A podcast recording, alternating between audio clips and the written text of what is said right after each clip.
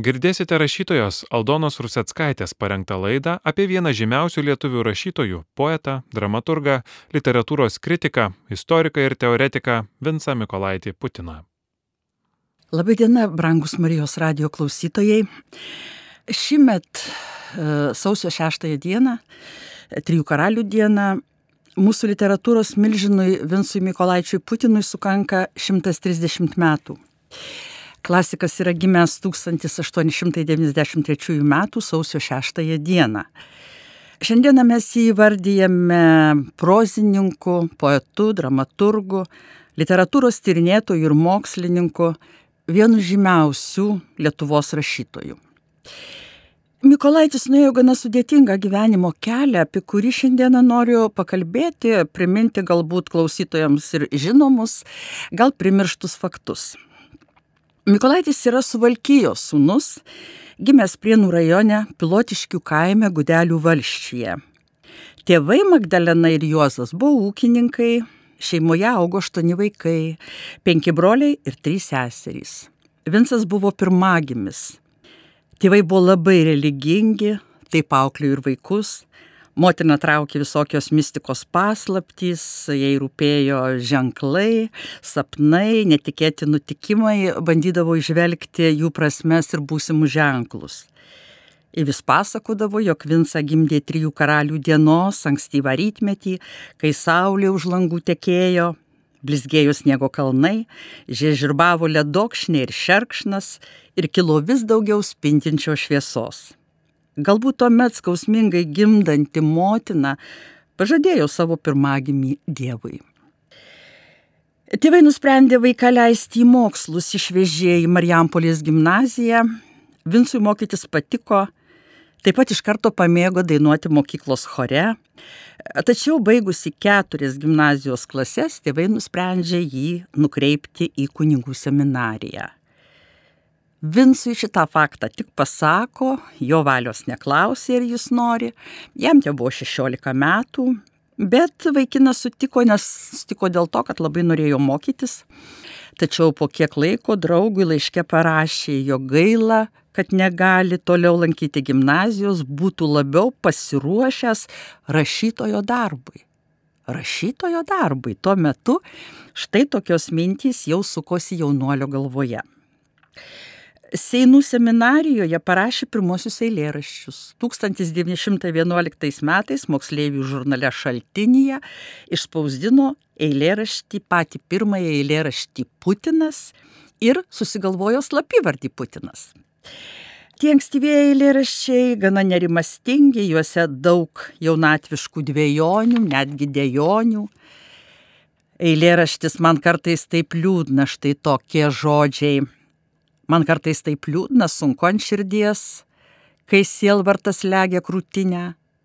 Bet kam pasiguost, pasiskūst ant dalies, kam gėlą atvert begalinę. Vėliau romane Altorių šešėlį Mikolaitis gan tiksliai aprašė tuos metus Seinų kunigų seminarijoje. Ypač jam buvo sunku ištverti ir susitaikyti, kai tėvai ėmė į jį kreiptis jūs kunigėlį. Tėvai atvažiavo pirmą kartą aplankyti jo į Seinų kunigų seminariją ir mama tik jį pamačiusi iš karto kreipėsi jūs kunigėlį, vos nepolė jam ranką bučiuoti ir šiaip jau nedrasus, uždaras jaunuolis pasijuto labai nejaukiai, pasijuto dar vienišesnis. Bet buvo tokie laikai. Ir namuose per vasaros atostogas jau visa šeima ir mama ir tėvas kreipdavosi jūs kunigėlį ir vaikščiodavo Vinsas visą vasarą su sutana. Į kunigus Vincas buvo išventintas prasidėjus pirmajam pasauliniam karui 1914 metais Minske, nes Seinų kunigų seminarija traukėsi tolyn. Nors tėvai, ypač motina, svajojo, kaip sūnus gaus parapiją, bus kunigas, senatvėje ir jį gyvens pas savo kunigėlį. Jie planavo, kad baigęs Seinų kunigų seminariją, jų sunus jau pradės e, kunigauti parapijose. Bet e, įvyko visiškai kitaip. Vincas gavo stipendiją ir iškeliavo toliau mokytis į Peterburgo dvasinę akademiją. Porą metų pasimokęs, vėl gavo stipendiją iš Amerikos lietuvių ir išvyko į Šveicariją, Fribūro universitetą Ten studijavo filosofiją, meno istoriją, gerai išmoko prancūzų ir vokiečių kalbas ir prancūzų kalba apsigynė daktaro darbą apie Vladimiro Solovjovo filosofiją ir na, krikščioniškasias vertybės. Kaip žinome, Vladimiras Solovjovas buvo įdomus filosofas. Ir tada po šitų mokslų dar metams išvyko tobulintis į Müncheną, kad pasiruoštų dėstytojo darbui neseniai kurtame Lietuvos universitete Kaune. Tėvai savo sūnų pamatė tik po septyniarių metų, kai jis grįžo atostogų, baigęs mokslus Fribūrė.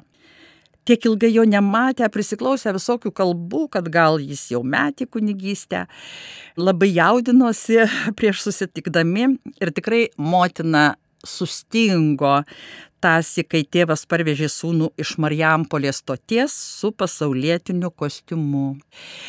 E, bet sūnus iš lagamino ištraukė sutaną, paprašė, kad ją motina išlygintų, nes kitą dieną gudelių bažnyčioje jis aukojo šventasias mišes. Ir tada tėvų širdys liepsnojo pasididžiavimu ir viltimi. Pirmoji Mikolaičio lyrikos knyga išėjo dar jam mokinantis Peterburgė 1917 metais pavadinimu Raudoni žiedai. Joje daug pirmojo pasaulinio karo atšvaitų ir realijų, daug užuojautos tėviniai Lietuvai, daug kilgesio. Štai 1915 metai eilėraštis tėvinės laukuose Bet nors šiandien skausmingi krūtinės jausmai neplasnoja, kaip vakar prie saulės linksmai, nors tu tėvynę gyveni vien skurdu, aš vis tiek tavyje dar palaimos randu. Svetimuose kraštuose e, Vinca Mikolaitį tikrai kamavo ilgesys gimtiniai ir tai matyti jo eilėraščiuose. Ir štai 1923 metais Putinas pradėjo dėstyti Kaune universitete įvairius lietuvių literatūros dalykus, o ankstyvais rytais dar atlikdavo savo kaip dvasininko pareigą, aukodavo kurioje nors Kauno bažnyčioje mišes. Mikolaitis sėkmingai įsiliejo į laikinosios sostinės gyvenimą, bendravo su rašytojais, Juozu Tumu Vaižgantu, Vincu Kreivė Mitskevičiumi, vadovavo studentų ateitininkų organizacijai Šatryje, šiai organizacijai skiria daug dėmesio, bendravo su studentais, kviesdavosi juos ir į žygius, ir į savo būtą. Pasėmė iš tėviškės savo jauniausią seserį Magdaleno, leido ją į mokslus ir kartu gyveno. Jie kartu nugyveno 20 metų, kol sesuo Magdalena, besibaigiant karui, pasitraukė į vakarus. 1927 metais išėjo mm, Mikolaičio simbolistinės lyrikos rinkinys tarp dviejų aušrų. Šioje knygoje išspausdintas ir žymusis eilėraštis Rūpintojėlis. Dievuli mano, kas per šviesios naktys ir kas plačių padangių per aukštumas. O žvaigždės žvaigždės, didelės ir mažos taip spindi, net graudu dievuli mano. Bet kamgi tu, budrus dievuli mano, prie lygaus kelio rūpestėlių rymai, prie lygaus kelio, kur vargų vargeliai, vieni per dieną dūsaudami vaikšto. Vėliau kalbėdamas su savo bičiuliais apie šį eilėraštį, Mikolaitis teigia, kad nenorėtų, kad jis būtų verčiamas į kitas kalbas, nes tokio eilėraščio išversti neįmanoma. Išoriškai viskas atrodė ramu, tačiau viduje konkuliavo kančios ir abejonės. Vis tik Mikolaitis nejautė dvasininko pašaukimo. Dėl to ir pats labai pergyveno, bet e, galvojo, ką jam daryti. Tada jį gan griežtai į seminariją nukreipė tėvai jis e, tą visą laiką atliko savo pareigą ir tarp kita ko net ir atsisakęs kunigystės klasikas visą gyvenimą išliko ir tikintis, ir netapo jokio teistu, ir į bažnyčią naidavo, ir eilėraštį rašė su Dievu prietaringa, be Dievo tuščia ir nyku. 1930 metais rudens semestrą jis pasėmė kūrybai atostogų ir išvažiavo į Europą. Po kurio laiko apsistojo Nicoje ir čia parašė romano Altorių šešėlį pirmąją dalį. Jis išdryso kalbėti apie kunigų seminariją, aprašė ir savo vaikystės, jaunystės dienas, santykių su tėvais.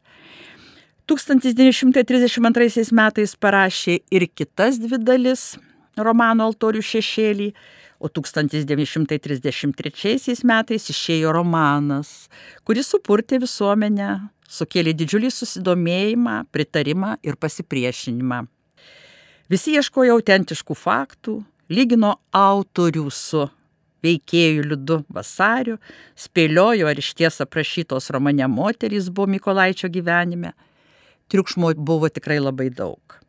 Ir sunkia abejonių valandą brolis šalia esančiai seseriai Magdalenai mestelėjo frazę. Jei galėčiau, tai dabar visus altorių šešėlį egzempliorius surinkčiau, sukraučiau į krūvą ir sudeginčiau. Tačiau kai paaiškėjo, jog 1935 metais po knygų rinkimo populiariausia ir geriausia knyga labai didelę persvarą buvo išrinkta altorių šešėlį, autorius nurimo. Tiesiog buvo būtina kiekvienam inteligentui tais metais perskaityti šį romaną. Pirmasis jį įvertino Vaižgantas, pripažindamas pačiu geriausiu lietuvių literatūros romanu. Žinoma, namiškė, ypač motina, tėvas, labai sutriko, nuliūdo ir išgyveno. Namuose brolis Juozas paskaitydavo vakarais romaną garsiai, motina vis girdėdavo kaimynų pasakymus, jog Vinsas jau metęs kunigystę ir pati motina sakydavo, kad vaikai man nesako teisybės. Šeima iš ties tais metais lydėjo nuolatinį įtampą ir žmonių apkalbos, Tačiau Mikolaitis nebuvo dar metęs kunigystės, bet ryštas jau brendo. Ir kai 1935 m. Liepos mėnesį jėdu su būsimąja žmona Emilija Kvedaraitė susiruošė į Rygą nusprendę susituokti civilinę metrikaciją, Mikolaitis parašė vyskupui pareiškimą, jog išeinas iš kunigų luomo. Vėliau savo autobiografijoje Putinas parašė, Mesdamas kunigavimą, vesdamas žmoną, aš suteikiau begalinio skausmo savo tėvams, apie tai dažnai galvoju ir ši žaizda neužgyja mano širdį. Abu du tėvai buvo labai religingi ir mane taip auklėjo. Tas religinis auklėjimas, griežtumas apkartino ne vieną jaunystės momentą. Tačiau tais metais po santokos gruodžio mėnesį Vilkaviškio viskupijos kurija pareikalavo, kad Mikolaitis atsisakytų civilinių jungtuvių ir grįžtų į kunigų luomą. Kaip jis galėtų, jog jau pusę metų gyvena santokoje. Vieną vėlyvą vakarą, jau aplink nusileidus nakties tamsai, Mikolaitis rašo viskupijai atsakymą. Gintis nei teisintis neketinu. Išstojęs iš kunigų luomo, kurio pareigoms neturiu nie mažiausio palinkimo, nesijaučiu kaltas. Grįždamas į luomą, apgaudinėčiau save ir kitus. Dabar reikia peršokti keletą dešimtmečių į priekį ir papasakoti apie Mikolaičio sekularizacijos procesą. Per visą gyvenimą po civilinės santokos Mikolaitis galėjo grįžti į kunigus. Tik štai 1965 metais, metų pabaigoje, viskupas Juozapas Matulaitis Labukas iš Vatikano parsiveža specialius įgaliojimus bažnyčios reikalams tvarkyti. Šventas tėvas jam suteikia galę spręsti ekskunigų problemas. Ir pirmiausia, ekscelencija pagalvojęs apie garsųjį ekskunigą Vinsą Mikolaitį. Vyskupas paveda kanauninkui Kazimierui Žitkui, kuris nuo senų laikų pažįsta kunigą Mikolaitį, pakalbėti su juo, paklausti, ar jis norėtų čia būti dar pilnateisių kunigų, ar pageidautų būti oficialiai nuo kunigystės atpalaiduotas ir gražintas į civilių tarpą. Be abejo, literatūros klasikas renkasi antrąjį variantą ir taip 1966 m. gegužės 12 d. Kaune, Vaižganto gatvėje, Mykolaičių name, kanauninkas Žitkus atliko nedidelę ceremoniją, paskelbdamas sekularizacijos tekstą atpalaiduojamas nuo visokių kunigystės saitų bei galių ir gražinamas į civilinę būseną, išrišamas iš visų bažnytinių bausmių ir sutaikinamas su katalikų bažnyčia. Sekularizacijos procedūra Mikolaičiui buvo labai svarbi, į dienoraštį jis įrašė. Šiandien viena reikšmingiausių dienų mano gyvenime. Pasibaigė vienas ilgas mano gyvenimo laikotarpis. Kai vyras tapo eilinis pasaulietis, žmona norėjo, kad jos sujungtų bažnyčioje santokos sakramentu, bet Mikolaitis jau šito nebenorėjo. Dar grįžkime į 1935 metus. Jaunavedžiai kol kas laimingi. Mikolaitis vedė savo studentę Emiliją Kvedaraitę, su kuria bendravo devynerius metus. Jėdu nusprendžia Kaune Vaižganto gatvėje statytis namą, daug būties reikalų Profesorius keliarius metus neberašo eilėraščių, jis tyrinėja lietuvių literatūrą, rašo studiją naujoji lietuvių literatūra, išleidžia romaną Krizė, laikas bėga, 1940 m. birželį ateina sovietų okupacija ir jų valdžia, universitetą perkelia į Vilnių, tad Mikolaičiui su Emilija tenka palikti seseriai Magdalenai saugoti namą, o patys išvyksta į sostinę, susiranda būtą Mikolaičiui Vilnius patinka. Tiek pergyventa, kad Lietuvai sostinė būtų gražinta. Todėl Vilniuje gyvendamas jis yra visai patenkintas. 1945 m. birželio mėnesį prasideda antrasis pasaulinis karas. Antrasis karas Vinco Mikolaičio Putino gyvenime. Tenka ketverius metus gyventi vokiečių okupacijoje, O tie pirmieji sovietiniai metai palieka labai skaudžius randus. Mikolaitis sudaro ploną eilėraščių rinkinėlį Rūščios dienos. Išeina 1942 metais. Pirmos sovietinės okupacijos ir karo metų poezijos rinkinys. Vokiečių karo cenzūra rinkinėlio neleido spausdinti, bet Sakalo leidikla, jau surinkusi ir sumaketavusi knygą, slaptai išspausdino keletą šimtų egzempliorių, kurie vėliau virto bibliografinė retenybė. Vinco Mikolaičio Putino poema Vyvos plango mortos voko gyvuosius apraudu, mirusiosius šaukiu. Šiandien vadinama sovietinės cenzūros uždraustų, nuorašais plitusių rezistencinių kūrinių, tačiau jos parašymo aplinkybės iki pat šiol nėra aiškios. Vinco Mikolaičio Putino raštų pirmo tomo išleisto 1989 metais komentaruose Irena Kostkevičiūtė tvirtino, kad poema parašyta 1943-1944 metais, o pirmoji jos publikacija pasirodė tik 1967 metais žurnale Aidai Amerikoje Bruklinė. Pats Putinas neslėpęs šios poemos autorystės, tvirtino ją parašęs 1943 metais, sukrėstas hitlerininkų žiaurumų. 1966 metais jis raštu patvirtino šios poemos autorystę.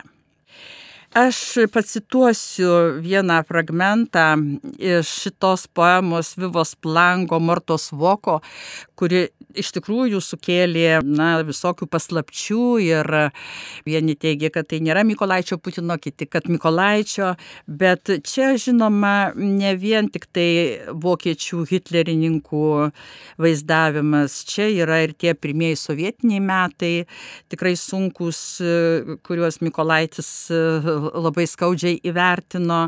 Čia turbūt galėtume šiandieną galvoti net ir apie karą Ukrainoje, nes tie agresoriai, tie užpolimai, tas karo teroras, jisai nesikeičia. Štai fragmentas iš šitos poemos Vivos Plango Mortos Voko.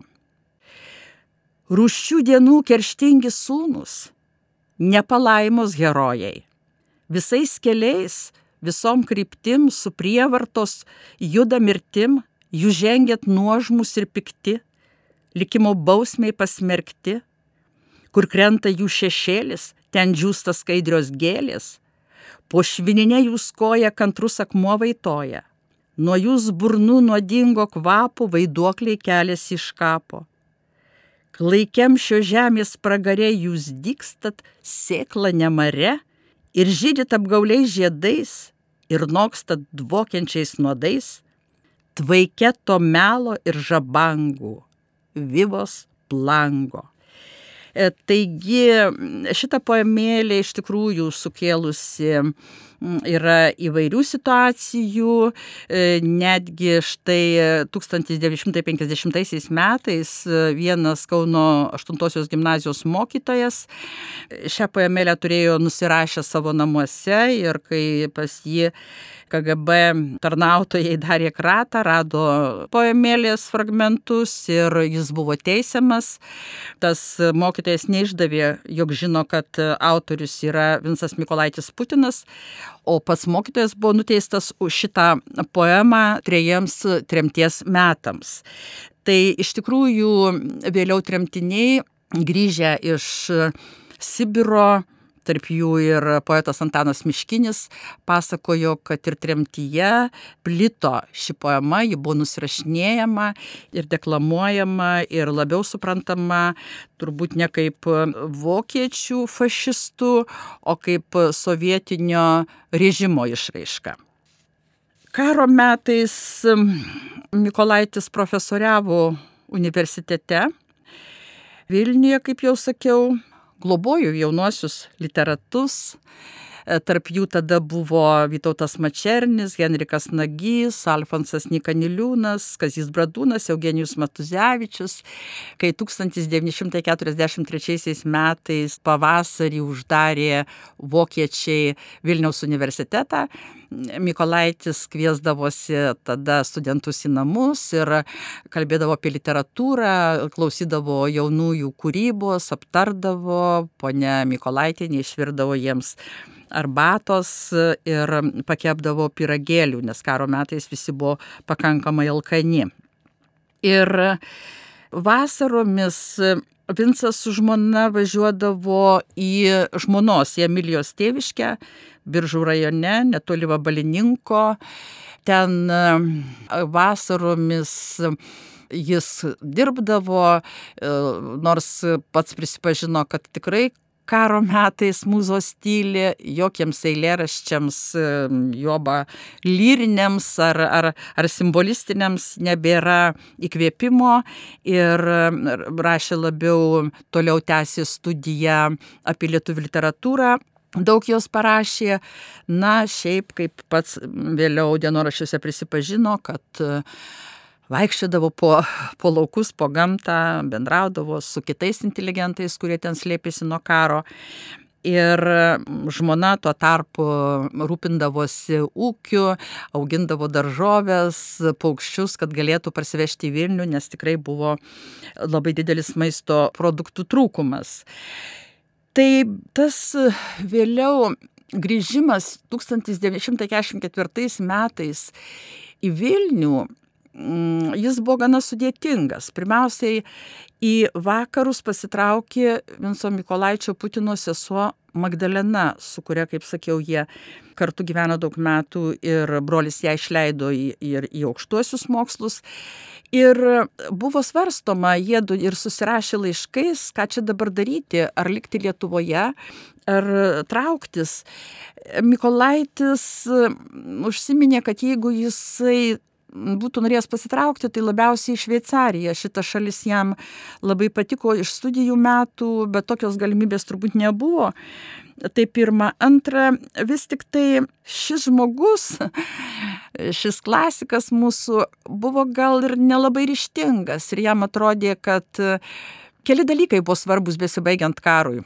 Vienas dalykas tai buvo tas, kad inteligentai turėjau dar tokią svajonę, turbūt ne svajonę, o tiesiog begalinį troškimą, kad galbūt, kai karas baigsis ir kai vokiečiai jau bus išvykti ir sovietų kariuomenė perės per Lietuvą, kad Lietuva toliau nebeteks Sovietų sąjungai, kad nebus bolševizmo, kad negali pažangusis pasaulis, sąjungininkai, Junktinės Amerikos valstijos, Anglija palikti pabaltijo vėl okupacijoje, kai žino, kas vyko 1940-1941 metais, kai buvo ištremti žmonės į Sibirą.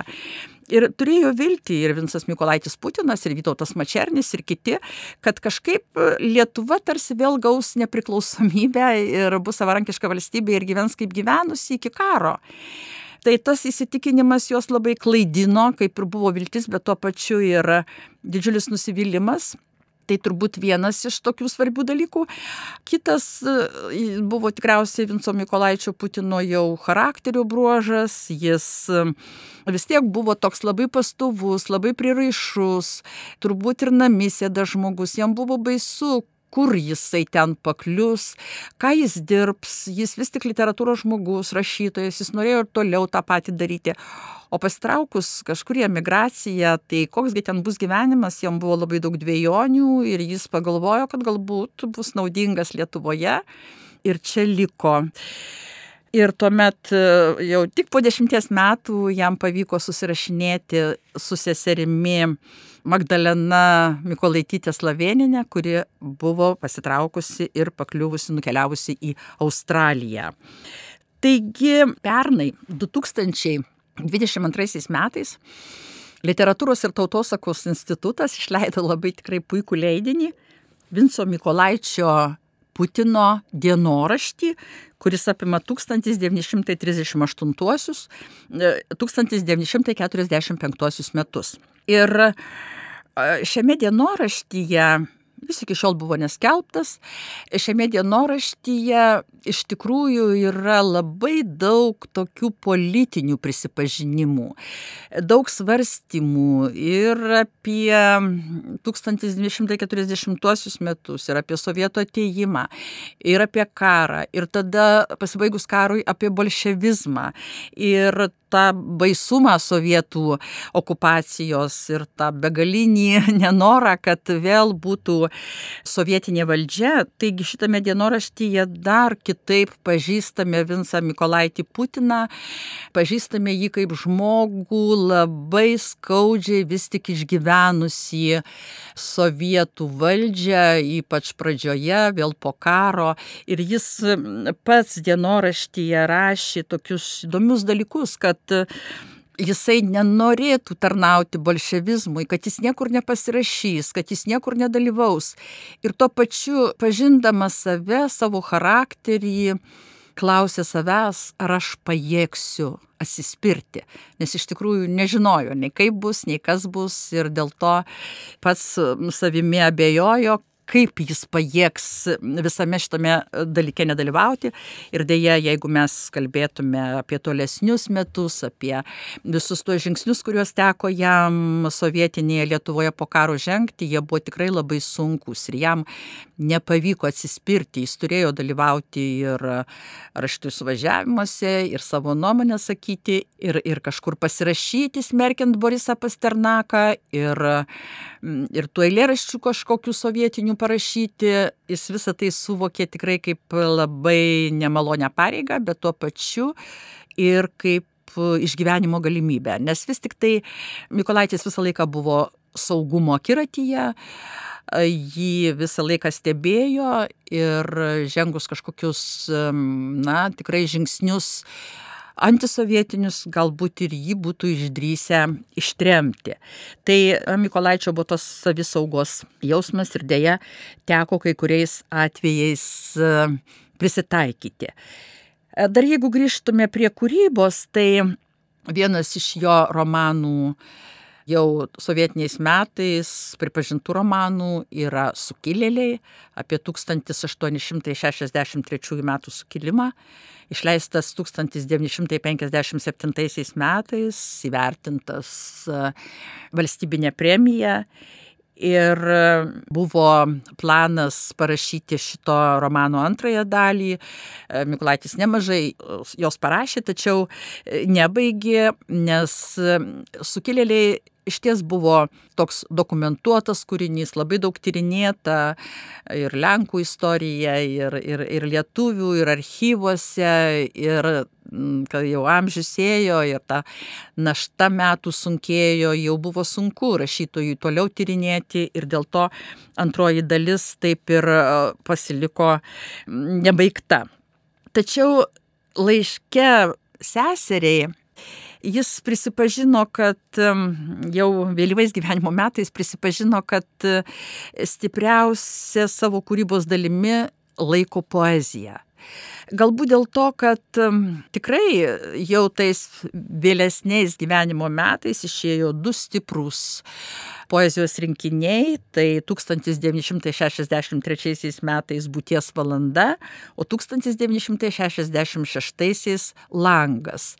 Iš ties čia buvo poeto renesansas, atgimimas, eilėraščiai tokie lyriški galbūt ir labai skausmingi, jaučiant savo amžių, bėgantį laiką e, gyvenimą, sveikatą, bet e, juose ir gana daug džiaugsmo, ir meilės, ir, ir, ir, ir tikrai tokių vyresnio amžiaus žmogui tikrai daug džiugių dalykų. Ir netgi ir sesuo Magdalena, kuri taip pat buvo poetė Australijoje, labai norėjo, kad būtų išversti eilėraščiai ir rašė broliui, kad jeigu tu būtum didelės tautos poetas, didelės valstybės, tai jau tu būtum pasaulinio garso, o kadangi esame mažos valstybės, e, tai esi tik žinoma savo tėvinėje. Taigi tie du rinkiniai iš tikrųjų tarsi užbaigė Vinco Mikolaičio kūrybą, kurią jis pradėjo poeziją ir baigė poeziją. Ir galbūt dėl to save labiausiai ir įvardėjo kaip poetą. Klasikas mirė 1967 metais, birželio 7 dieną, Kačerginėje, kur šeima turėjo namą, vasarnamį ir Mikolaičiai, Emilija ir Vinsas, vaikų jie nesusilaukė. Vasaromis išvažiuodavo, gyvendavo Kačerginėje, Mikolaitis pasimdavo daug darbo, daug metų vertė Adomo Mitskevičiaus ponatada, rašė atsiminimus gyvenimo pabaigoje, darbo tikrai turėjo daug, dar vis prie sukilėlių antrosios dalies krapštėsi. Taigi ir net ir tą paskutinėje vasarą, paskutiniai vasarai buvo irgi įsidėjęs gana nemažai darbo, bet dėja vasaros jau nebesulaukė. Čia dar norėčiau pasakyti, labai svarbi Mikolaičio Putino gyvenime buvo muzika. Jisai yra prisipažinęs, kad jeigu ne muzika, klasikinė muzika, liaudės dainos, galbūt jis nebūtų ir poetų tapęs, kadangi dar Marijampolėje, vėliau Seinų kunigų seminarijoje, jis vis dainuodavo choruose arba net jiems ir vadovavo, mokėjo pats groti vargonais, pieninu ir jam tiesiog muzika buvo didelė jo sielos dalis, atgaiva, visą gyvenimą klausė muzikos, buvo sukaupęs didelę kolekciją plokštelių, mėgo klasikus, galų gale jiems yra ir eilėraščių skirta pagal muziką, Bethoveno, Bacho yra parašytų ciklų. Ir muzika dėka e, užėmė kažkokią sielos dalį, kurioje jis ilsėjosi, mąstė, meditavo, net ir paskutinį gyvenimo vakarą paprašė žmonos, kad jam anksčiau atneštų vakarienę, nes jis norės paklausyti Hektoro Berliozo rekvijam per radiją grojo šį kūrinį ir jis jį išklausė. Tai buvo paskutinis kūrinys, kurį Mikolaitis girdėjo ir dar turėjo jėgų išklausyti, nors jau labai kankino skausmai ir matyt jau buvo įvykęs širdies infarktas. Taigi muzika mm, skambėjo jo gyvenime tikrai visais laikais ir visokiais būdais, net Fribūrė vadovavo e, lietuvių chorui, ten pats grodavo, eidavo į vargonų koncertus, Peterburgė studijuodamas ėjo į operas, e, pamėgo klasikus, žodžiu, yra pasakęs, kad muzikams, kompozitoriams yra gerai, jie parašo kūrinį ir vienai par kitaip klausytojai supranta, tuo tarpu poetui yra sunkiau, nes reikia parašyti vis tiek, kad skaitytojai suprastų. Dar noriu priminti keletą dalykų dėl tėvų ir tėviškės. Santykiai su tėvais jam metus kunigystę ir vedus, žinoma, buvo jau daug sudėtingesni, bet mama vis tiek labai didžiavosi sūnumi, labai jį mylėjo, atleido jo visus žingsnius ir, ir susitaikė ir rašydavo, sakydavo, kad labai pasilgusi.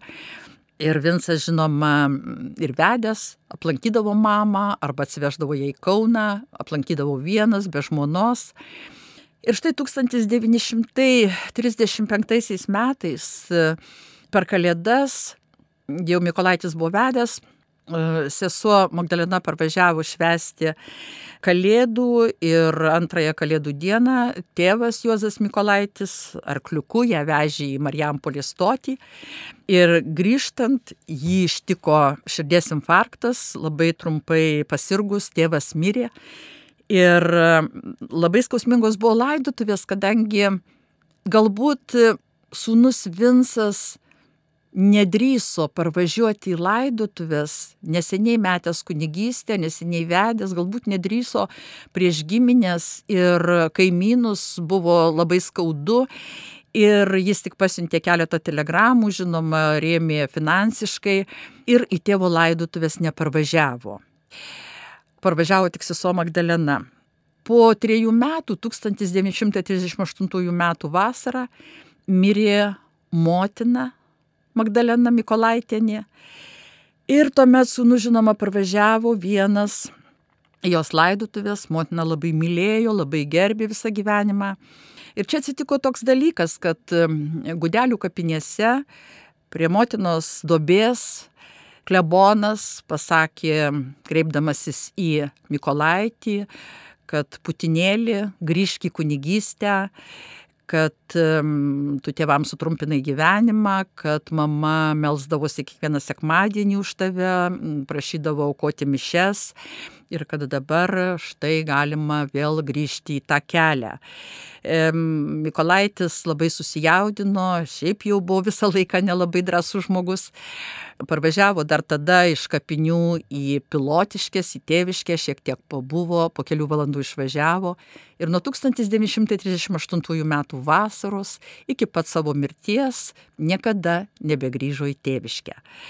Tai rodo tam tikrus turbūt charakterio bruožus, tam tikrą užsispyrimą. Žinoma, jis bendravo su broliais, su seserimis, padėjo jų vaikams eiti mokslus, kažkam gal nusipirkti karvę, kažkam uždengti stogą. Broliai ir sesuo atvažiuodavo ir į Kauną, ir į Vilnių, ir į Kačerginę į svečius ir susirašinėdavo, tačiau į tėviškę Mikolaitis niekada negrįžo. Tai tiesiog toks štai yra gana sudėtingas gyvenimas šio mūsų žymaus klasiko, vieno žymiausių rašytojų, kuris toj jau po maironiniai literatūroje, po maironio turbūt yra pats didžiausias. Tiek jums norėjau šį kartą pasakyti. Gerų gražių dienų ir iki kito karto. Girdėjote rašytojos Aldonos Rusetskaitės parengtą laidą apie vieną žymiausių lietuvių rašytojų - poetą, dramaturgą, literatūros kritiką, istoriką ir teoretiką Vincą Mikolaitį Putiną.